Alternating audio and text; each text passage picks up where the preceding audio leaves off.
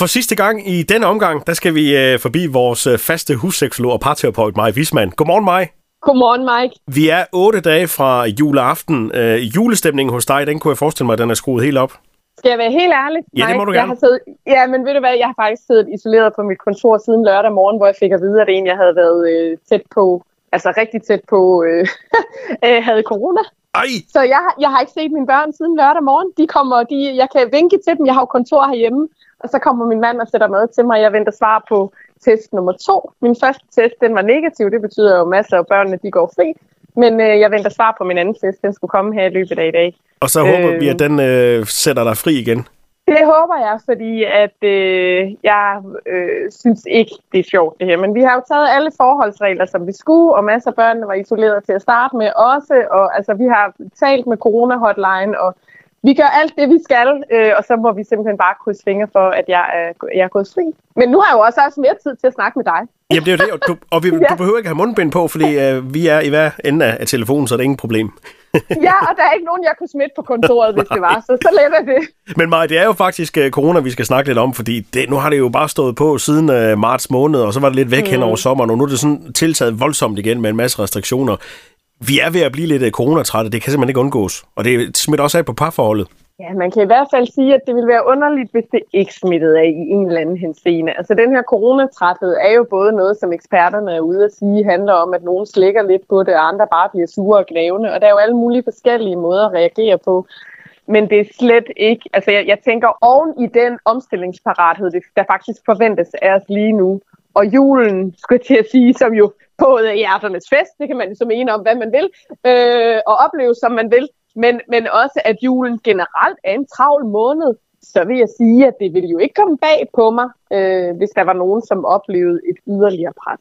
Nej, det er to øh, ting, der sådan lige smelter sammen, og, og, og hvordan kommer det til udtryk i, i, i parforholdet? Hvad, hvad kan det være, man, man lige pludselig oplever hos partneren, som ikke plejer at være der? Jamen, vi er nødt til at tage udgangspunkt i her, at når man bliver presset, og hvad man så bliver presset af, øh, er, er, er egentlig ligegyldigt. Men her kan vi sige, at vi ved, at september, eller undskyld, december måned generelt er en presset måned for, for parforholdet øh, for mange. Ikke for alle, men for rigtig mange. Øh, og at, øh, at vi ser jo også både øh, skilsmisser og utroskab i, i månederne efterfølgende, og, og, og særligt mellem jul og nytår er jo en af højtiderne, skulle jeg til at sige, for, for akut parterapi, fordi der er rigtig mange ting, der er i spil der. Så, så det vi lige skal tage som udgangspunkt og som præmis her, det er, at det er et presset parforhold i forvejen. Altså, der er mindre tid, end der plejer at være, eller der er mange ting, der skal arrangeres. Døgnet har 24 timer og så putter vi noget ekstra oveni. Så, så, så det er vigtigt at, at huske, at hvordan er det lige, jeg plejer at reagere, når jeg bliver presset her. Fordi det, der kan ske her, det er jo, at vi begynder at tage de her ting personligt. Eller vi, fordi vi selv er presset, både tager det personligt videre igen, og så eskalerer vi en konflikt. Eller at vi simpelthen trækker os hver til dit, og så er der bare iskold luft. Jeg pujer og hæpper for, at vi lige får talt om, at det her kan være svært for os. Igen, der er også nogle familier, der oplever, at det slet ikke er svært, og det er rigtig dejligt for dem. Men for de familier og parforhold, som oplever det her, det er svært, at man lige får stoppet op, trukket det her ned i maven, lige får mærket, jeg er lige her, øh, der er en række opgaver, der skal laves.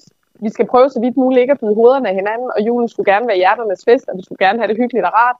Hvordan er det lige, vi to kommer igennem det her bedst muligt? Kan vi to håndtere det her på bedre måder? Er der noget, jeg skal være opmærksom på? Jeg ved, når jeg er presset, jeg plejer at reagere sådan her. Hvis jeg gør det i det tilfælde her, så handler det ikke om dig, sød skat. Det handler om, at jeg er presset, og så rører jeg på autopilot, og så byder jeg. Og mig, nu ved jeg godt, at vi reagerer jo forskellige af alle os mennesker, men øh, kunne det være sådan en idé i julen at enten at være mere sammen, mere til stede, eller øh, skal man måske en, et træk stikke lidt og sige, nu går jeg lige en tur, og vi ses igen i eftermiddag? Jeg tænker, det kommer fuldstændig an på, hvad for et menneske man er, Mike. Det, der er rigtig vigtigt her, det er, at man simpelthen lige får sappet ind i, hvad har jeg egentlig brug for, hvad har min partner brug for, at vi får talt om den her parforholdspleje.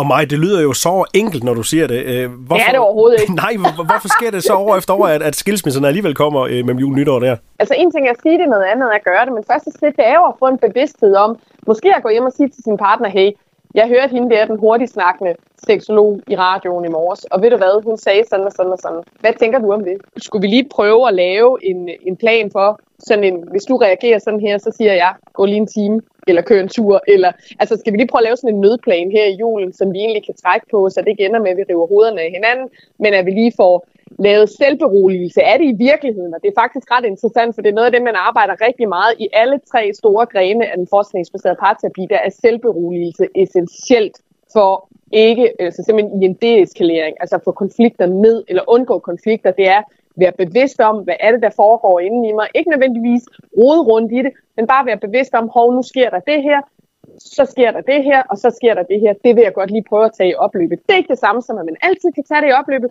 men det er noget, man kan øve sig på. Og jeg tænker, at lige nu er et vanvittigt godt tidspunkt.